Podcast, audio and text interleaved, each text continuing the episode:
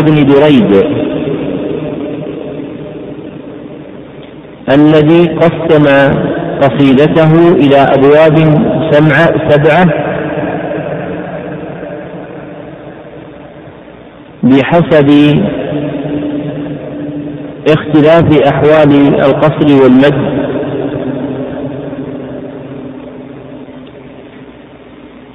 وجاء شرحه مختصرا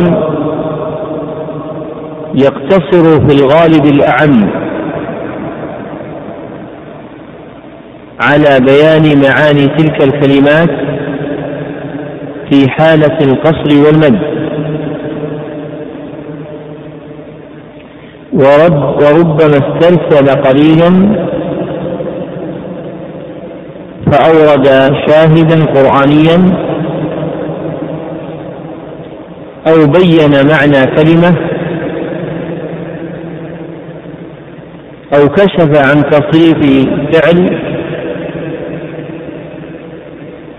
أو ذكر علة لغوية. أو ذكر علة لغوية. نعم. بسم الله الرحمن الرحيم. اللهم اغفر لنا ولشيخنا وللحاضرين قال المصنف رحمه الله تعالى بسم الله الرحمن الرحيم. صلى الله على محمد وعلى آله وسلم تسليما. قال أبو بكر محمد بن الحسن بن دريد الأزدي عفى الله عنه. هذه القصيدة في المقصور والممدود. الباب الأول قال فيما يمد ويقصر من المفتوح الأول. شرع.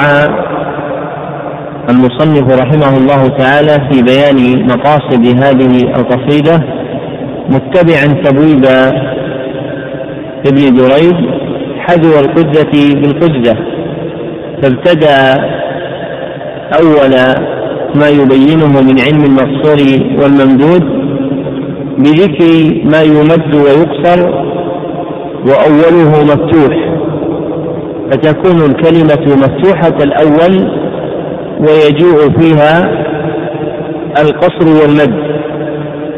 نعم. قال فيما يمد ويقصر من المفتوح الأول لا تركنن إلى الهوى واحذر مفارقة الهواء. قال الفقيه الأستاذ النحوي أبو عبد الله محمد بن أحمد بن هشام اللخمي رحمه الله الهوى مقصور هوى النفس هوى النفس وشهواتها ويكتب بالياء والهواء ممدود ما بين السماء والأرض. ومعنى تركا تطمئن وتسكن قال الله تعالى ولا تركنوا إلى الذين ظلموا. وقال لقد كدت تركن إليهم شيئا قليلا. يقال ركن يركن بكسر العين في الماضي وفتحها في المستقبل وهي لغة القرآن. وقيل وقيل ركن يركن بفتح العين في الماضي وضمها في المستقبل. وقيل ركن يركن بفتح العين في الماضي وفتحها في المستقبل. رواه أهل اللغة كما قالوا أبي يأبى أبى. يأبى وقلا يقلى. وروي في الحديث عن النبي صلى الله عليه وسلم أخبرت قلة. رويناه أخبر تقله أخبر تقله أخبر تقله عن النبي صلى الله عليه وسلم أخبر أخبر تقله رويناه بكسر اللام وفتحها. وقد قيل إن علي بن أبي طالب رضي الله عنه قائل هذا. روي عن عبد الله المأمون العباسي أنه قال لولا أن أمير المؤمنين علي بن أبي طالب قال أخبر تقله لقلت اقله تخبر. وذكر أهل اللغة أيضا. ركن يركن بكسر العين في الماضي وضمها في المستقبل. كما قالوا قبل ومت تموت. ذكر المصنف رحمه الله تعالى في هذه الجملة بيان الكلمة الأولى التي يجيء بالقصر والمد وهي مفتوحة الأول وذلك الهوى والهواء فإن الهوى بالقصر هو ميل النفس إلى مراداتها. وأما الهواء بالمد فإنه الفضاء الكائن بين السماء والأرض. ثم ذكر رحمه الله تعالى من استطراده في هذا المقام خلافا لما جرى عليه فيما يستقبل أقوال أهل اللغة في معنى تركا وأن معنى تركا يعني تطمئن وتسكن وتميل إلى من أويت إليه. ثم ذكر أن تصريف هذا الفعل جاء بالكسر والفتح والضم. نعم. يوما تسير التي أورده ونسبه إلى النبي صلى الله عليه وسلم لا يصح. والخبر معناها التجربة والمعرفة وأن من جرب الناس واطلع على أحوالهم وقع له بغض من جربه منهم إذا رأى منه ما يخل. نعم. يوما تسير إلى الثرى ويفوز غيرك بالثراء. الثرى مقصور التراب الندي ويكتب بالياء ومنه قوله تعالى وما تحت الثرى. والثراء الممدود كثرة المال قال الشاعر. يردن ثراء المال حيث علمنه وشرف الشباب عندهن عجيب. ذكر المصنف رحمه الله تعالى في هذه الجملة كلمتين اثنتين. جاءتا بفتح الأول إحداهما مقصورة هي الثرى والأخرى ممدودة وهي المال. فالثرى حال القصر المراد به التراب الندي ويكتب بالياء يعني على صورة الألف المقصورة. وأما الثراء بالمد فهو كثرة المال. نعم. كم من حسير في رجاء بئر لمنقطع الرجاء. الرجا مكسور جانب البئر وجانب القبر وما أشبههما قال الله تعالى والملك على أرجائها أي جوانبها ونواحيها والواحد رجاء مقصور ويكتب بالألف لقولهم في التثنية رجوان والرجاء ممدود الأمل والرجاء ممدود الأمل والطمع ذكر المصنف رحمه الله تعالى في هذه الجملة كلمتين جاءتا مفتوحة الأول إحداهما بالقصر وهي الرجاء والثانية بالمد وهي الرجاء والأولى معناها جانب البئر والقبر وأشباههما وأما الثانية وهي الرجاء بالمد فهي الأمل والطمع في درك المطلوب. وقوله رحمه الله تعالى والواحد رجا مقصور ويكتب بالألف يعني لا يكتب بالياء التي صورتها الألف المقصورة لأن تثنية ذلك قولهم رجوان مما يدل على أن أصل الكلمة واوي. فإذا كان أصلها واوي فإنها تكتب بالألف كما أنها إذا كان أصلها يائي فإنها يكتب بالياء. نعم. غطى عليه بالصفاء أهل المودة والصفاء. الصفا مكسور جمع صفاة وهي الصخرة وتكتب بالألف. والصفوان أيضا حجر أملس قال الله تعالى كمثل صفوان عليه تراب. والصفاء ممدود الإمحاد في المودة. ذكر المصنف رحمه الله تعالى في هذه الجملة كلمتين اثنتين جاءتا مفتوحة الأول إحداهما بالقصر وهي الصفا والثانية بالمد وهي الصفاء. ومعنى الأولى كما ذكر جمع صفاه وهي الصخرة. والصفوان أيضا الحجر الأملس المذكور في القرآن. وأما الصفاء بالمد فهي المودة التي تمحضت في قلب العبد لغيره فنفسه صافية له فيكون ذلك مبلغا له إلى مقام الصفاء القلبي إذ لا يخالط قلبه شيء من بغضه البتة. ذهب الفتى عن أهله أين الفتي من الفتاء؟ الفتى مقصور واحد الفتيان. قال الشاعر إذا عاش الفتى مئتين عاما فقد ذهب المروءة والفتاء ويكتب بالياء. قال الله تعالى ودخل معه السجن فتيان. والفتاء ممدود المصدر. ذكر المصنف رحمه الله تعالى في هذه الجملة كلمتين جاءتا مفتوحة الأول إحداهما مقصورة والأخرى ممدودة فالأولى الفتى وهو واحد الفتيان. والثانية الفتاة بالمجد كسماء وهو الشباب. وهذا معنى قوله ممدود المصدر يعني مصدر من هذا التصريف ومعناه الشباب. ثم قوله ويكتب بالياء واستدل بقوله فتيان. لأن الآية دلت على أن التثنية الواردة فيها أن أصل الكلمة يائي فعند ذلك تكتب بالياء. نعم.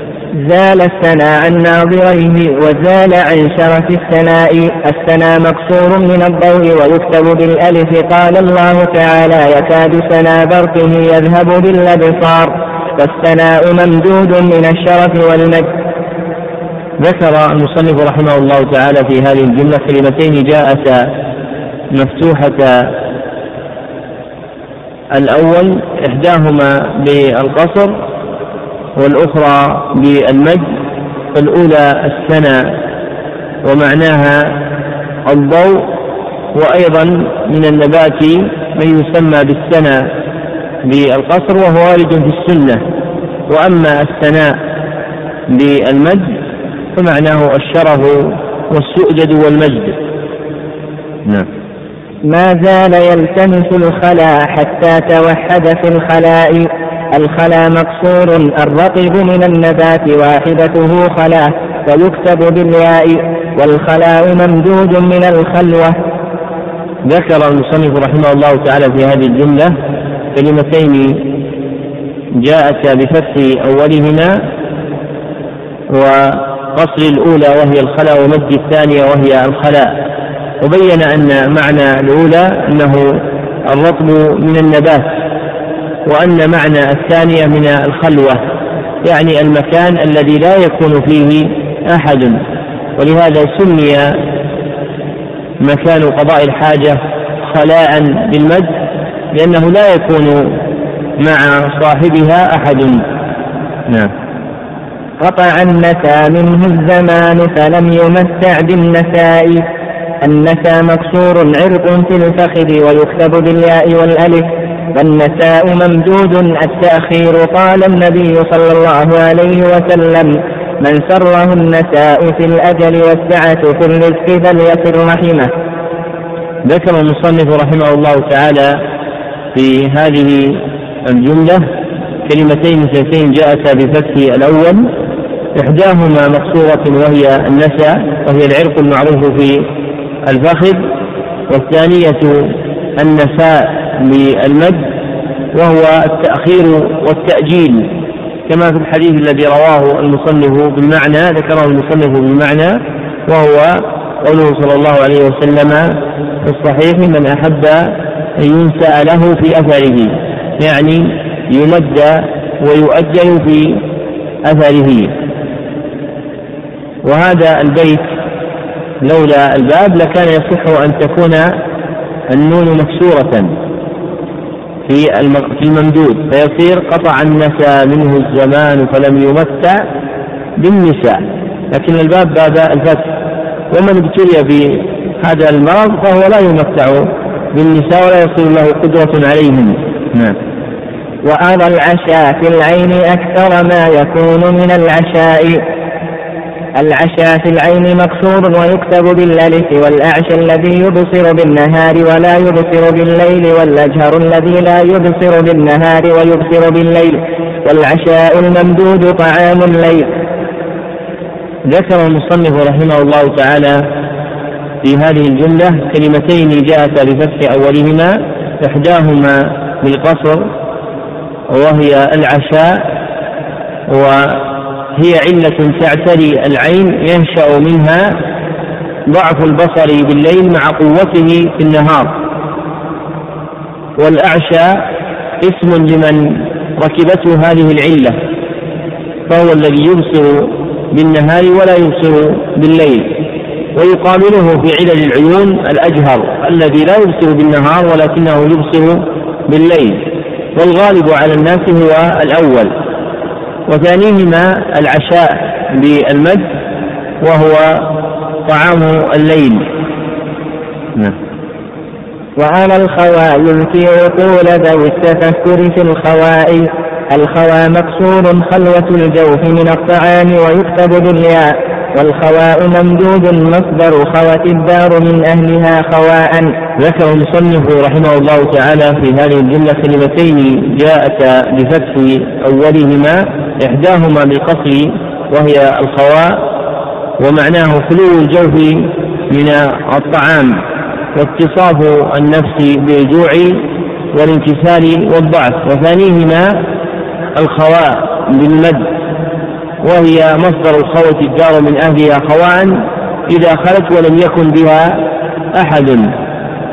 والأمر كما ذكر ابن جريد فإن الإنسان إذا قل مطعمه وانكسرت نفسه ذهبت شهوته. فإذا كان ذلك في مكان خال قوي فكره في الإقبال على معاشه ومعاده.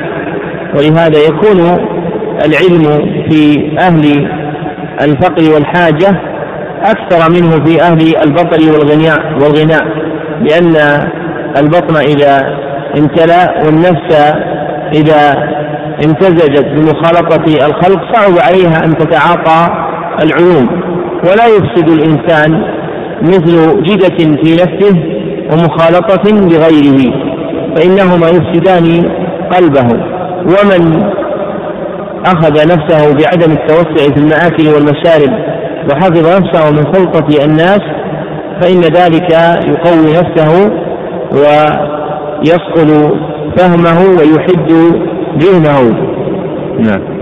ولرب ممنوع العراء ولسوف ينبذ بالعراء. العراء مكسور مقصور. الفناء والساحة يكتب بالألف. والعراء ممدود المكان الخالي. قال الله تعالى فنبذناه بالعراء وهو سقيم. ذكر المصنف رحمه الله تعالى في هذه الجملة كلمتين جاءتا بفتح أولهما مع القصر والمد. أولاهما كلمة العرى بالقصر والمراد بها الفناء والساحة.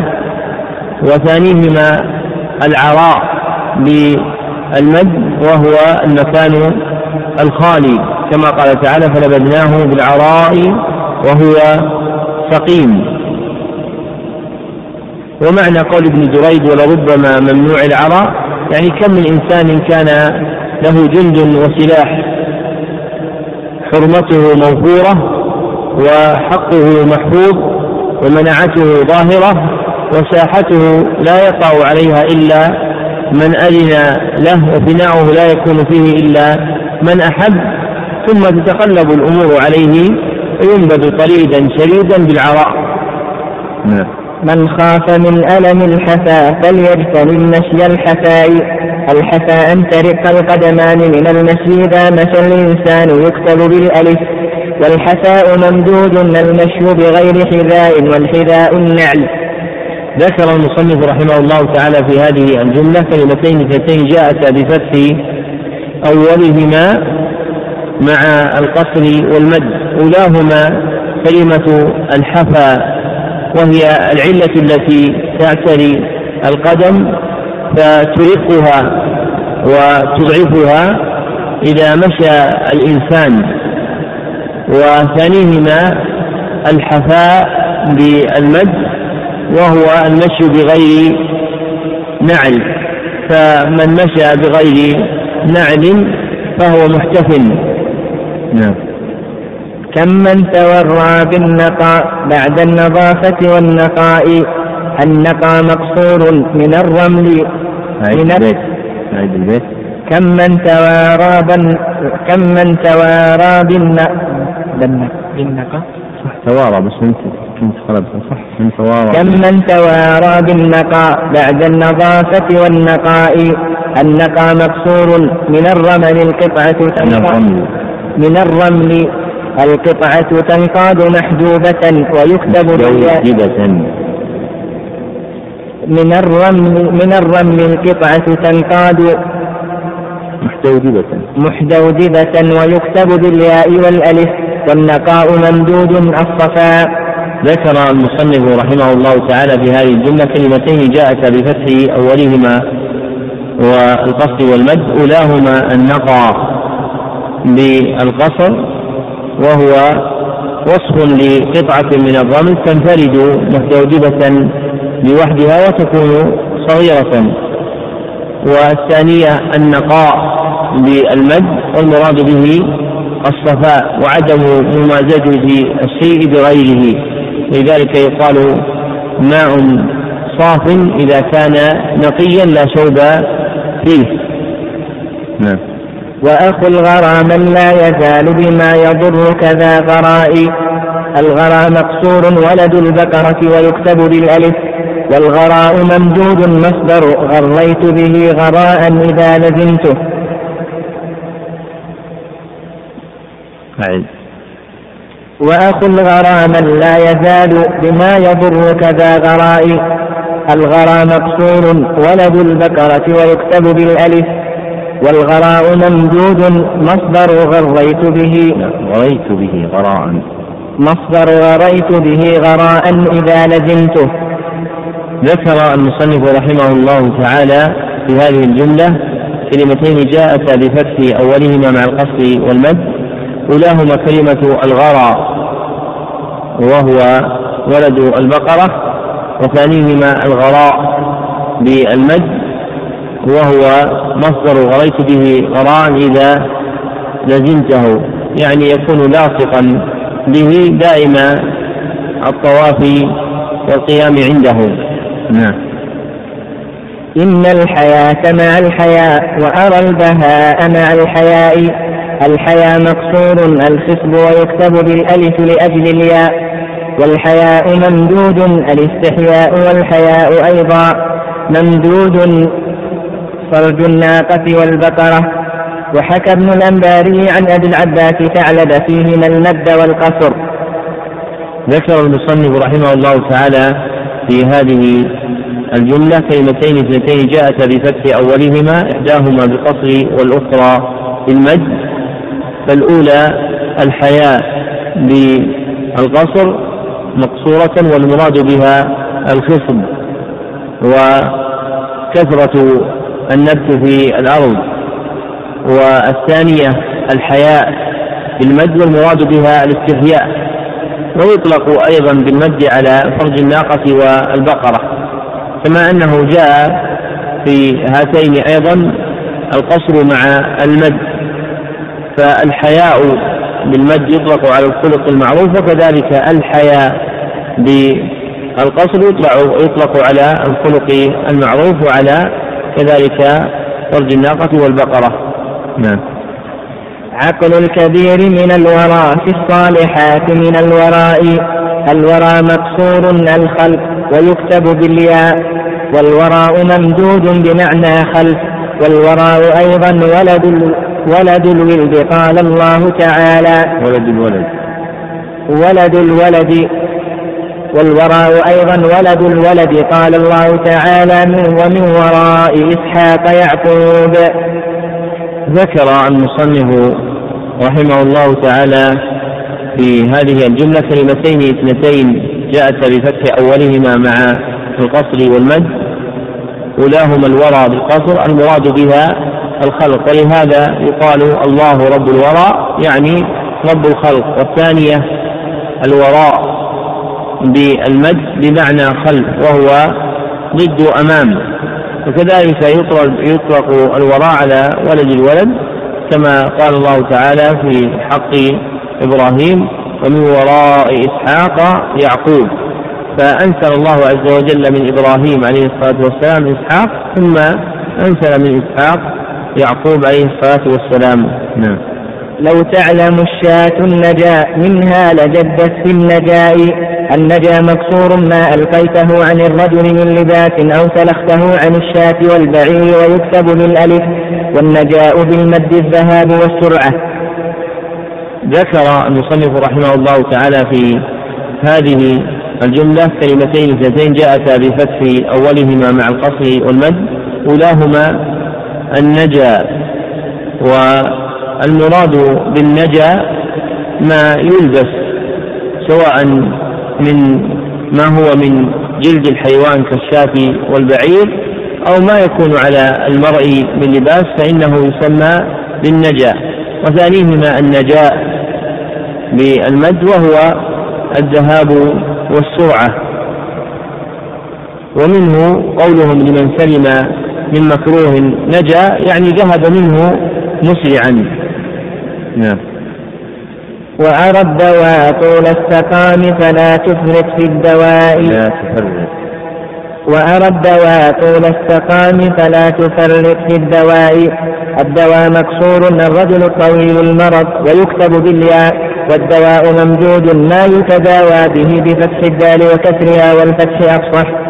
ذكر المصنف رحمه الله تعالى في هذه الجملة كلمتين اثنتين مما جاء بفتح الأول مع القصر والمد. أولاهما الدواء بالقصر وهو وصف للرجل الذي قال به المرض والسقم. وثانيهما الدواء بالمد وهو ما يتداوى به من أنواع العلاج التي يتضبب بها المداوون وذكر رحمه الله تعالى أن الدواء فيها لغتان إحداهما الفتح الدواء والثانية الكسر الدواء والفتح أفصح كما ذكر رحمه الله. نعم. وإذا سمعت وحى الزمان فلا تقصر في الوحاء. الوحى مكسور الوحى مكسور الصوت ويكتب بالياء والوحاء ممدود السرعة. ذكر المصنف رحمه الله تعالى في هذه الجملة كلمتين اثنتين جاءتا بفتح الأول إحداهما بالقصر والثانية بالمد. فالأولى كلمة الوحى والمراد به الصوت. ومنه سمي الوحي وحيا لأن الوحي هو صوت بحقيقته. لكن لما كان فيه إخفاء وإصرار صار مسمى باسم الوحي.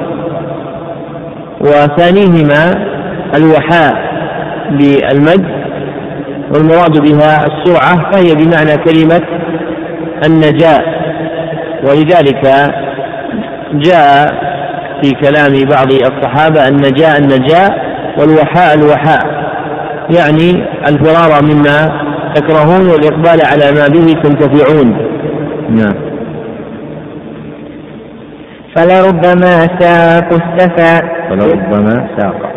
فلربما ساق السفا إلى السفا أهل السفاء. السفا مكسور جمع سفاة وهو تراب البير ويكتب بالياء. والسفاء ممجود الخفة والطيش وهو المراد بقوله. فلربما ساق السفاء أي الخفة والطيش. ذكر المصنف رحمه الله تعالى في هذه الجملة كلمتين اثنتين جاءتا بفتح الأول والقصر والمد إحداهما السفا مقصورة وهو جمع سفاه وهو تراب البئر بمنزلة الصفا جمع صفاه وهي الحجارة فهما جمعا وإفرادا بوزن واحد وثانيهما السفاء بالمد والمراد به الخفة والطيش والسفة. نعم. يا ابن البراء إن البرية يؤذنونك بالبراء. البراء مقصور التراب يكتب بالياء. والبراء ممدود مصدر برئت من فلان براء.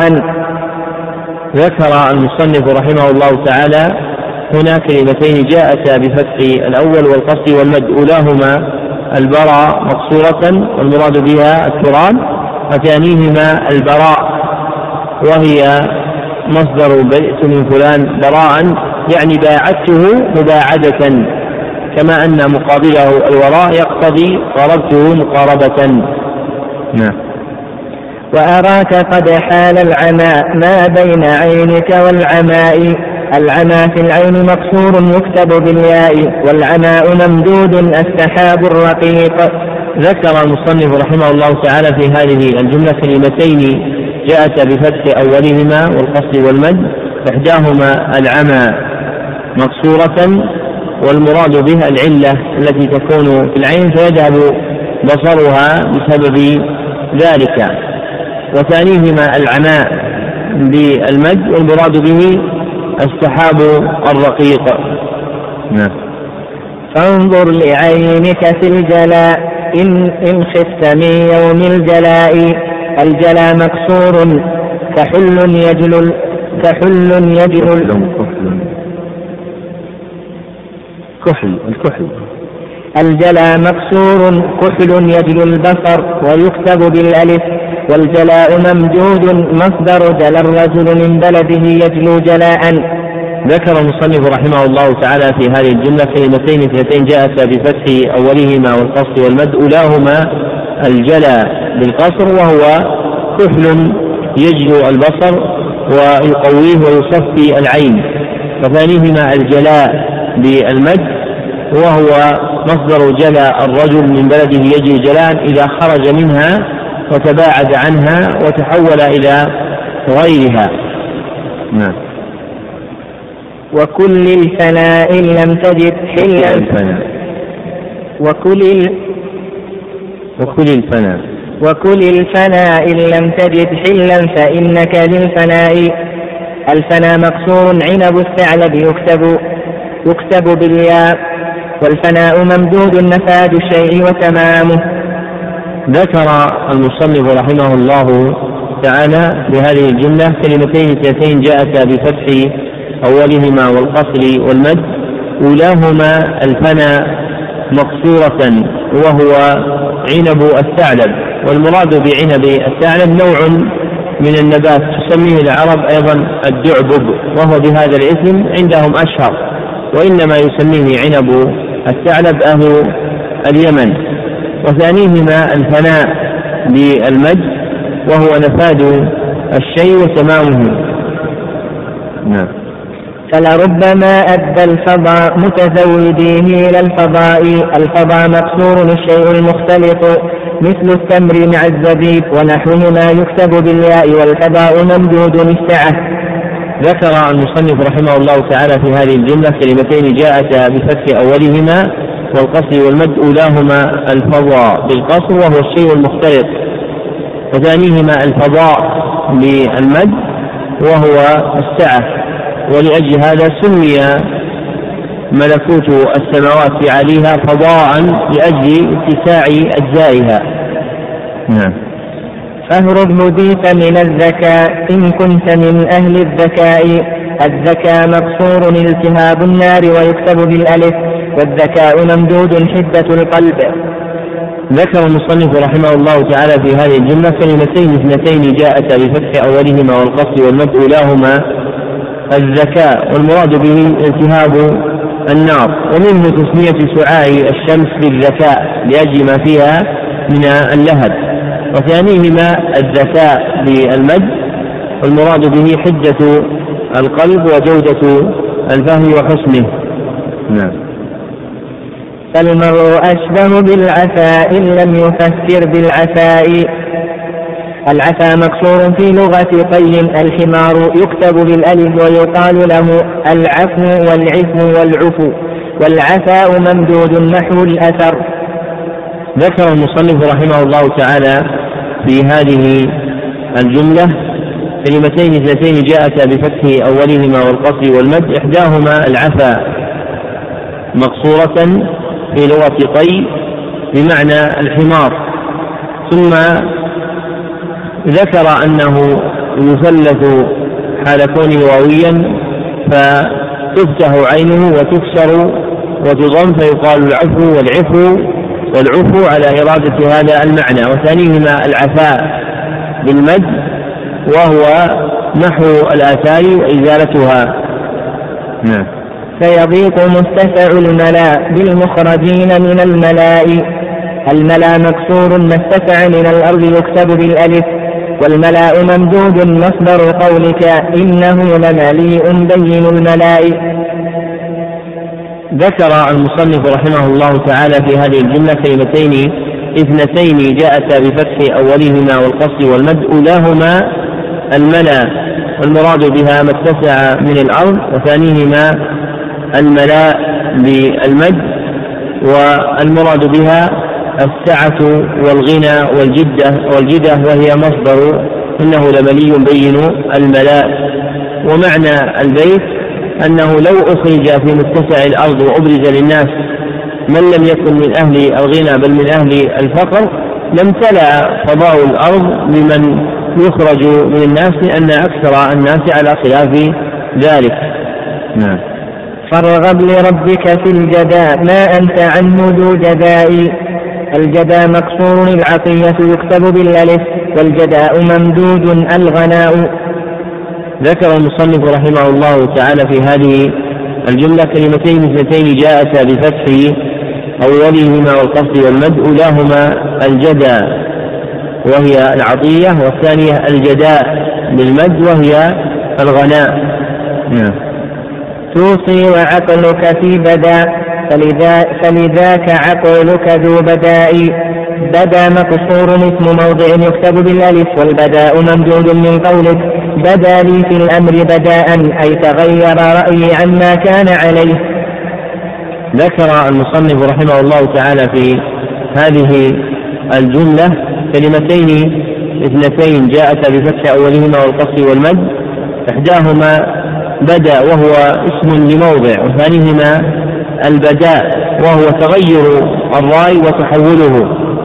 ومعنى هذا البيت أن من انتقل ذهنه وخرج من جمعه على ما ينبغي انتفاعه به كأنه بمنزلة من سرح وانتقل إلى محل آخر. فعند ذلك لا بد أن يقع له التغير في قراره ورأيه لأنه لم يكن جامعا لقلبه على ما يهم به.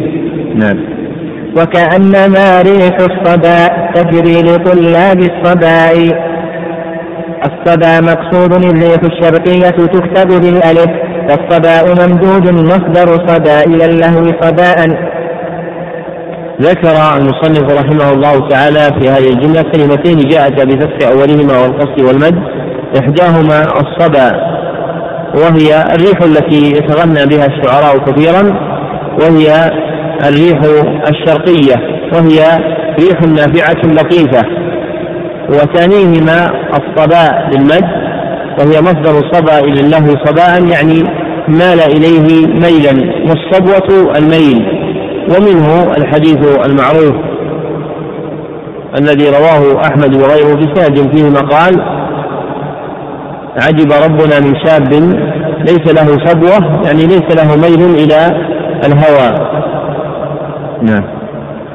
باعوا التيقظ بالكرى فعقولهم بذرى كرائي الكرى مقصور مقصور النوم ويكتب بالياء. والكراء ممدود ثنية بالطائف عليها طريق مكة. ذكر المصنف رحمه الله تعالى في هذه الجملة كلمتين اثنتين جاءتا بفتح أولهما والقصد والمد أولاهما الكرى والمراد به النوم وثانيهما الكراء. بالمد والمراد بها الجبل المعروف والعقبة المشهورة الكائنة بين الطائف ومكة ولا زالت معروفة بهذا الاسم إلى اليوم. لكن الغالب على الناس اليوم أنهم ألحقوها بالمقصود والمعروف في لسان اللغة هو المد. نعم. وكأنهم معز الأباء. أو كالحطام من الأباء. الأبى مكسور داء يأخذ المعز في رؤوسها من بول الأرواء إذا شمت ولا يكاد يكون في الضأن يكتب بالألف. والأباء ممدود أطراف القصب واحدته أباه. ذكر المصنف رحمه الله تعالى في هذه الجملة كلمتين اثنتين جاءت بفتح أولهما والقصر والمد أولاهما الأبى وهو داء يأخذ المعز في رؤوسها من بول أنثى الوعول إذا شمته ولا يكاد يكون فضان. وثانيهما الأباء بالمد وهو أطراف القصب واحدته أباءة. نعم.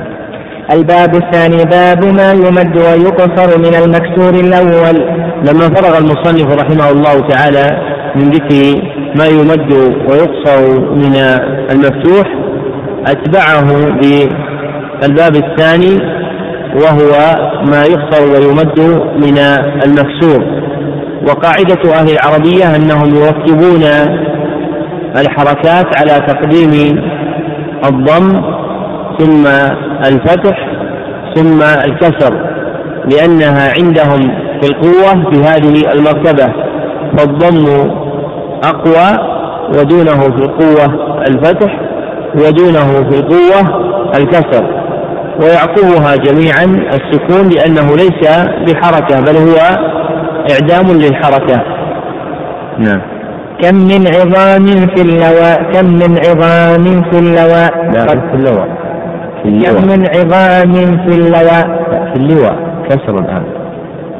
كم من عظام في اللواء؟ قد فارقت خفق اللواء. اللواء ما التوى من الرمل مكسور يكتب بالألف واللواء ممدود الذي يعقد للوالي. ذكر المصنف رحمه الله تعالى في هذه الجملة كلمتين اثنتين جاءتا بكسر أولهما مع القصر والمد.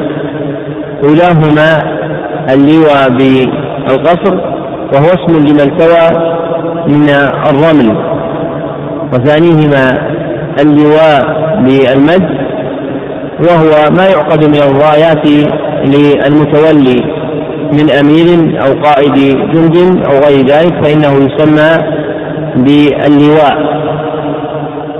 ما الفرق بين اللواء بهذا المعنى والبيرق؟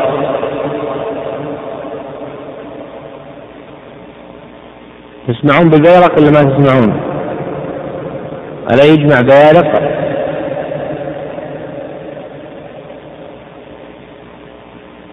ها عبارة عن مجموعة ألوية يعني أعلى من اللواء نعم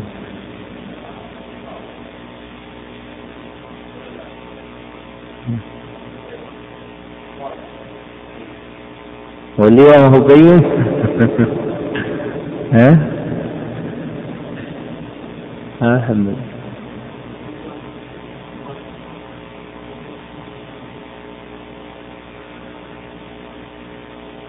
أحد عنده غير هذا؟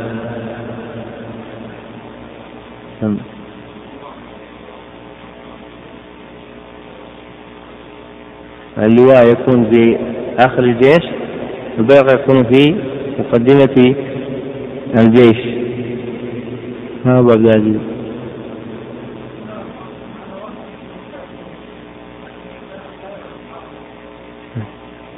إيه، أحسنت. هذا الذي نريده. وأما كلام المتأخرين لا غير.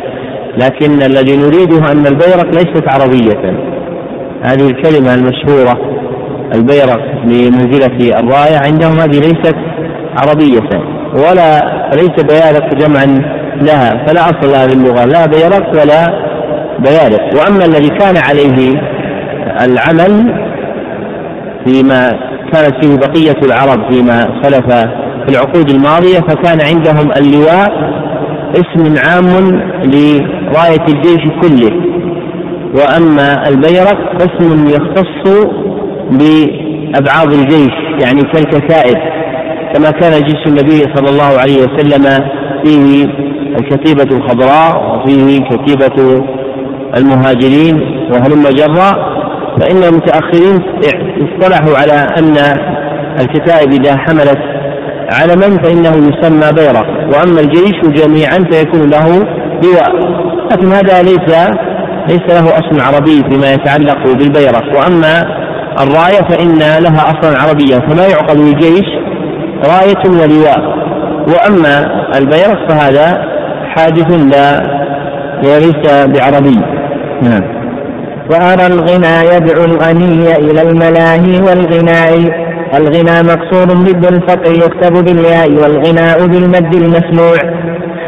ذكر المصنف رحمه الله تعالى في هذه الجملة كلمتين مما يكسر أوله بالقصر والمد أولاهما الغنى بالقصر وهو ضد الفقر وثانيهما الغناء وهو تطريب الصوت وجعله على ألحان يتميز بها عن الكلام المعتاد. نعم. يمضي الإناء بعد الإناء ومناه في ماء الإناء. الإناء مقصور واحد آناء الليل أي ساعاته يكتب بالياء والإناء ممدود واحد الآنية وماء الإناء يعني به الخمر. ذكر المصنف رحمه الله تعالى في هذه الجملة كلمتين جاءتا بكسر أولهما مع القصر والمد أولاهما الإناء. وهو اسم لأفراد وقت الليل. فواحد أفراد الليل من آنائه يقال له الإناء. وثانيهما الإناء بالمد وهو واحد الآنية وهي الأوعية التي يضع الناس فيها أطعمتهم وشرابهم. وماء الإناء فسره بأنه الخمر. نعم. ولربما فضح الرجال ذوي اللحى كشف اللحاء. اللحى مكسور جمع لحية يكتب بالياء واللحاء ممدود الملاحاة وهي المشاتمة واللحاء أيضا ممدود القشر ذكر المصنف رحمه الله تعالى في هذه الجملة كلمتين جاءتا بكسر أولهما مع القصر والمد. أولاهما اللحى بالقصر وهي جمع لحية وثانيهما اللحاء بالمد وهي المشامتة بالقول. واللحاء أيضا بالكسر والمد اسم للقشر كقشر الخشب وغيره. والمراد في هذا البيت من مصفوة من دويب إنما هو المعنى الأول. نعم. ولربما خاض العدا ذا السبق في صيد العداء. العدا العدا مكسور للأعداء. ويكتب بالياء على مذهب أهل الكوفة وبالألف على مذهب أهل البصرة. والعداء ممدود الولاء يقال عادا بين عشرة من الصيد أيوالا.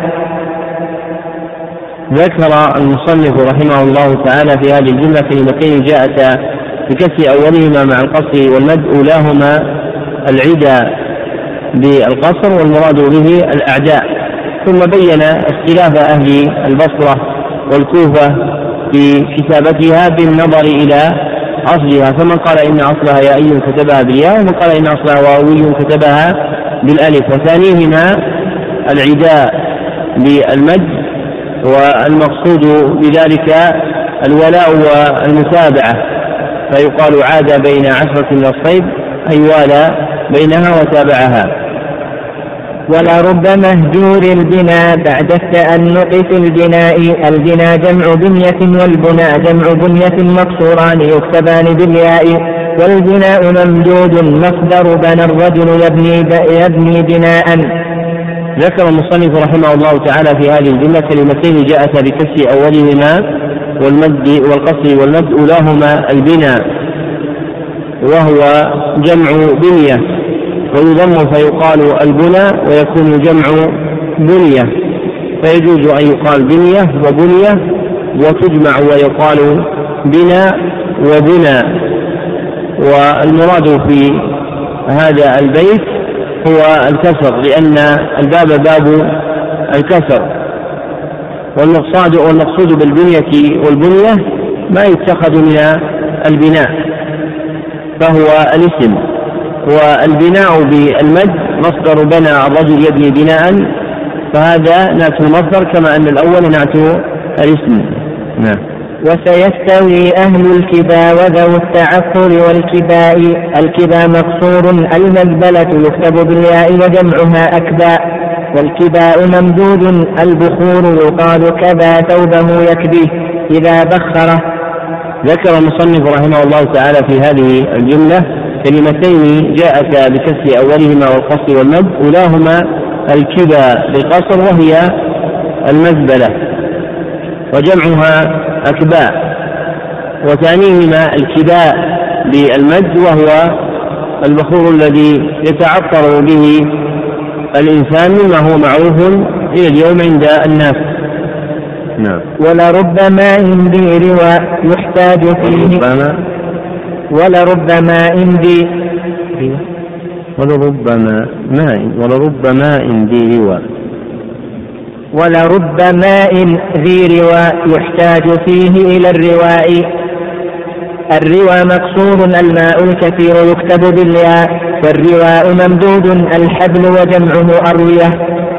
ذكر المصنف رحمه الله تعالى في هذه الجملة كلمتين جاءتا بكسر أولهما والقصر والمد. أولاهما الروى بالقصر وهو الماء الكثير وثانيهما الرواء بالمد وهو الحبل المعروف وجمعه أروية نعم. الباب الثالث باب ما يكسر أوله فيكسر ويفتح فيمد والمعنى واحد. ذكر المصنف رحمه الله تعالى في هذا الباب نوعا جديدا من الكلم وهو ما يكسر أوله مع القصر ويفتح أوله مع المد ويكون المعنى واحدا. فتشترك الكلمتين فتشترك الكلمتان جميعا في المعنى وإن افترقتا في حركة الأول بالكسر والفتح وفي علامة الآخر بالقصر والمد. نعم. وأرى البلا يبلي الجديد وكل شيء للبلاء. البلا مكسور من بلي الشيء إذا أخلق يكتب بالياء فإذا فتح مد. ذكر المصنف رحمه الله تعالى في هذه الجملة كلمة تجيء بمعنى واحد لكنها تقصر بكسر أولها فيقال البلا وتفتح ويمد آخرها فيقال البلاء وهي من بلي الشيء إذا أخلق. وذبل كما يقال بلي الثوب إذا تمزق وذهبت قوته. نعم. كم من إناء تفني الليالي ثم تفنى بالأناء. الإناء مقصور واحد آناء الليل يكتب بالياء فإذا فتح مد. ذكر المصنف رحمه الله تعالى في هذه الجملة كلمة تكسر في أولها وتقصر ويفتح أولها وتمد وهي بمعنى واحد وهي كلمة الإناء والأنا. والمراد بها ساعة الليل. نعم. وأرى القرى ما لا يدوم على الزمان لذي قراء القرى مكسور قرى الضيف يكتب بالياء فإذا فتح مد. ذكر المصنف رحمه الله تعالى في هذه الجملة كلمة يكسر أولها وتقصر ويفتح أولها وتمد وتكون بمعنى واحد وهي القراء والقراء والمراد به ما يصنع للضيف من طعام ونحوه. نعم. وسوى الفتى يرث الفتى ولينزعن عن السواء. سوى بمعنى غير مكسور يكتب بالياء. وكذلك سوى بضم السين فإذا فتح مد. والسواء هنا بمعنى الثوب بمعنى الوسق أعد. سوى بمعنى غير مقصور. وسوى الفتى يرث الفتى ولينزعن عن السواء. سوى بمعنى غير مقصور يكتب بالياء. وكذلك سوى بضم السين فإذا فتح مد. والسواء هنا بمعنى الوسط.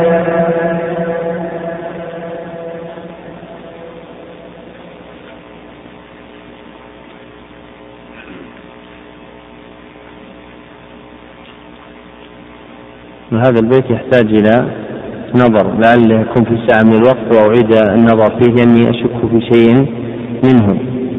فنظرة إلى ميسرة. نعم. حب الفساد إلى قلا وأرى الصلاح بلا قلاء القلا يكون به غدا في درس العشاء. نعم. القلا مقصور الفساد حب الفساد إلى قلا وأرى الصلاح بلا قلاء. القلا مكسور البغل يكتب بالياء فإذا فتح مد. ذكر المصنف رحمه الله تعالى في هذه الجملة كلمة يكسر أولها وتقصر ويفتح أولها وتمد وتكون بمعنى واحد وهي القلاء والقلاء. والمراد به البغض والكراهية. ومنه قوله تعالى ما ودعك ربك وما قلى يعني ما أبغضك. نعم. ماء الحياة روى وأن ماء الحياة روى وأنني للمحلى بالروائي. المحلى الممنوع وحلأت الماشية عن الماء إذا منعتها منه والروى مكسور الماء فإذا فتح مد.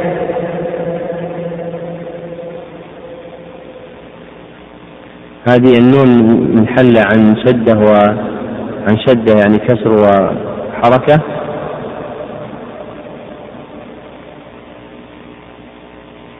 أو لا أهل الشعر. منحل أبو عبد العزيز؟ ها؟ نعم. يعني أصل النون وبعدها النون الساكنة والنون الثانية المفتوحة أصلها شدة مفتوحة. لكن الشد عند علماء العربية ينحل إلى إسكان في أوله وحركة في آخره. كما أن التنوين ينحل عن حركة في أوله وإسكان في آخره.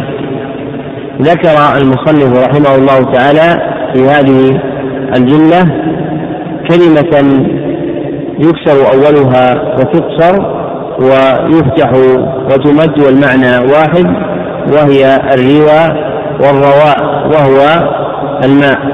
نعم. كم من إيا شمس رأيت ولا ترى مثل الأياء. هي الشمس ضوءها يكتب بالألف من أجل الياء فإذا فتح مد. ذكر المصنف رحمه الله تعالى في هذه الجملة كلمة يكسر أولها وتقصر ويفتح أولها وتمد ومعناها واحد وهو إياء الشمس وأياؤها بالكسر والقصر والفتح والمد والمراد به ضوءها. نعم. الباب الرابع باب ما يفتح أوله فيقصر ويكسر فيمد. ذكر المصنف رحمه الله تعالى في هذا الباب ما يكون مفتوح الأول فيقصر ويكون مكسور الأول فيمد أيضا. نعم. فسكنت بيتا لا غما ولتخرجن من الغماء الغما سقف البيت مكسور يكتب بالياء فإذا فإذا كسرت مدت. ذكر المصنف رحمه الله تعالى في هذه الجملة كلمة جاءت بفتح أولها والقصر وكسر أولها والمد وهي الغمى والغناء والمراد بها سقف البيت. نعم. انظر لسهمك في غراء لا يستقيم بلا غراء. الغراء مقصور الذي يغرى به السهم والسر. وهو من الصمغ وغيره يقال منه. غروته وغريته. غروته وغريته. ويكتب بالألف فإذا كسرت مدت ذكر المصنف رحمه الله تعالى في هذه الجملة كلمة تجيء بفتح أولها والقصر وكسر أولها والمد. وهي الغراء والغراء والمراد بذلك ما يغرى به السهم والسرج وغيره من الأشياء من صمغ أو غيره. نعم. فاحذر صلاة نار الجحيم فإنها شر الصلاء. صلى النار مكسور ضوءها يكتب بالياء فإذا كسرت مدت. ذكر المصنف رحمه الله تعالى في هذه الجملة كلمة تجيء بفتح أولها والقصر. وكسر أولها والمد وهي صلى وصلاء والمراد بها ضوء النار ولهبها. نعم. فجرى الشباب يزول عنك وقلما أغنى الجراء. الجراء المصدر من الجارية ويكتب بالياء؟ وإذا كسرت مدت وقد روي المد مع الفتح.